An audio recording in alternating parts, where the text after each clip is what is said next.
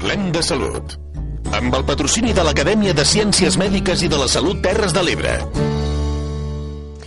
I avui en aquest espai de col·laboració volem parlar sobretot de salut eh, emocional i ho fem eh, perquè la xerrada d'aquesta setmana de l'Acadèmia de Ciències Mèdiques eh, a les Terres de l'Ebre que tindrà lloc el dijous 1 de març, aquest dijous a partir de les 6 de la tarda, com sempre al campus Terres de l'Ebre de la Universitat Rovira i Virgili, té molt a veure amb aquesta, amb aquesta salut emocional. Parlem, o millor dit, es parlarà sobretot de talent i de motivació en les altes capacitats, quan tots brillem. És el títol.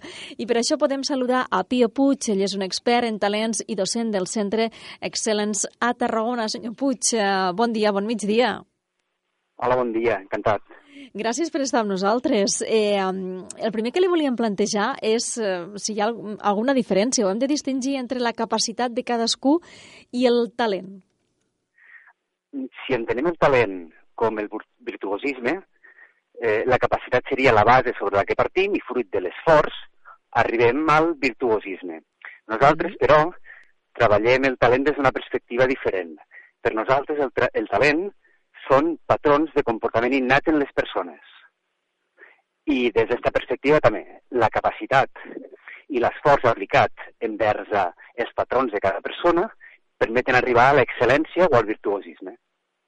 Uh, per tant, allò que es diu de que tots tenim algun talent o de que tots tenim talents, és cert? Seria aplicable? Es pot aprendre a tenir talent? Des d'aquesta perspectiva de patrons de comportament, puc dir-te que tothom té talents. I això és magnífic perquè vol dir que en tothom se pot treballar. I per tant aquí eh, vindria allò de, de com aplicar-ho, és a dir, de com eh, hem d'aprendre a treure aquests talents que tots eh, tenim innats, ens hem de reeducar tots? La clau està, bé, està en, en, en saber des, el més aviat possible quins són els teus talents, quins són els teus patrons de comportament. I una vegada estan determinats, ja sabem clar quins són, començar a enfocar qualsevol objectiu que tinguéssim des d'aquesta perspectiva. I a partir d'aquí ja comença l'esforç i l'enriquiment per arribar al virtuosisme. Uh -huh.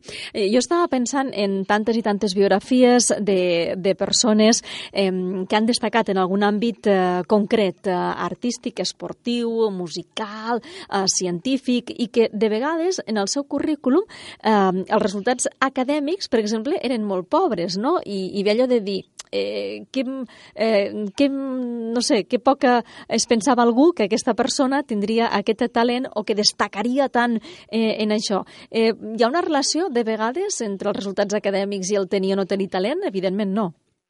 Mm, el que sí que hi ha una relació és entre allò que ens apassiona i l'excel·lència. Si nosaltres som capaços de disfrutar, gaudir de qualsevol temàtica i tindre la llibertat de seguir el camí que nosaltres marquem per arribar a aquesta excel·lència, és quan arribem a un bon virtuosisme i apareixen coses màgiques. En canvi, quan estem dintre de col·legis, universitat, empresa, eh, a les persones no se'ls permet ser ells mateixos i eh, hi ha unes eines que creuen que són útils per a tothom i de vegades van bé a uns i no van bé als altres. Això el que fa és que se comenci a generar desmotivació envers a les matèries i que deixin de tindre interès. Clar, en quan nosaltres alliberem a aquesta persona deixem que torni a ser lliure, s'apassiona per quelcom i allí és on escull quin és el seu camí per arribar a l'excel·lència i arriba. Eh, per tant, la motivació és clau no només en el cas eh, aplicat a, a l'escola, a la universitat, és clau també en la nostra feina, en tot allò que, que ens vulguem proposar. La motivació seria eh, importantíssima per a treure el millor de cadascun de nosaltres. Sense motivació no, no podem arribar a molts llocs, no? La motivació per nosaltres és la clau de tot. La motivació seria entendre quins són els patrons naturals de comportament de cada un i, independentment de l'objectiu que se li demana, ajudar-lo a enfocar des de la seva perspectiva, perquè això li genera plaer. Genera plaer, les coses li són senzilles, les coses li agraden i disfruten de l'esforç. I al disfrutar de l'esforç s'assoleix més ràpidament l'excel·lència. La motivació és clau, sí. I com, eh, com podem aplicar, per exemple, la gestió del talent, la gestió de la motivació a l'hora de, de, treballar, de treballar en equip? O què podem fer, per exemple, eh, davant d'un equip desmotivat? Tant se val que sigui un equip de futbol, un equip de feina... Eh, què podem fer per a, per a mm, donar-li la volta a aquesta desmotivació? Nosaltres el primer que fem sempre és entendre quines són les persones que hi ha dintre d'aquest equip i quins són els seus patrons de, de comportament i entendre si aquell equip està equilibrat o no. I eh, equilibrat en quatre àrees. Està la forma en la que l'equip lidera o algun dels membres de l'equip lidera, la forma en la que les persones se relacionen, la forma en la que l'equip aprèn i la forma en la que l'equip fa. Si alguna d'aquestes quatre àrees està descompensada, entre la resta de membres tenen que buscar la forma de compensar-ho. Si està compensat, la motivació apareix de forma natural en tots els membres de l'equip. La segona part és deixar a l'equip que faci les coses des de la seva perspectiva. Una vegada l'equip és conscient de com és cada un dels membres de l'equip, eh, entre ells mateixos ja saben a qui dirigir-se o en qui recolzar-se en funció de les tasques o de les fases d'un projecte. De manera que l'equip s'autogestiona, s'autoregula i s'automotiva. I això aplica a nens petits fent un projecte aplica a persones que estan en una oficina treballant aplica a equips esportius, clar. Eh, hem parlat una mica del talent, ens ha parlat el senyor Puig de la motivació, eh, d'aquesta importància que té estar motivats mm, i de l'èxit, evidentment. Anem a parlar de com gestionar l'èxit i de com gestionar el fracàs. Comencem pel fracàs. Estem preparats per al fracàs? La veritat és que ningú ens prepara per al fracàs i el primer que hauríem de fer és tindre, fer un exercici d'autoconeixement per entendre de forma clara quines són les coses que més ens dolen, aquelles coses que realment ens fan mal, simplement per a saber-ho i deixar de patir d'una forma tan gran quan no tenim el coneixement de què és el que realment ens està fent mal. La segona, i ara va aplicat molt a nens en altes capacitats o persones en altes capacitats, eh, les persones en altes capacitats són molt emocionals. Això vol dir que qualsevol cosa bona l'exageren com a fantàstica, qualsevol cosa dolenta l'exageren com la pitjor que hi ha. Per tant, recolzar la part emocional, l'autoconeixement en la part de les emocions, com evolucionen i com creixen, com gestionar-les, com treballar-les, és clau per a la gestió del fracàs, però també la gestió de l'èxit. Eh... Perquè tampoc és l'èxit està bé assaborir-lo, però tampoc cal desmesuradament.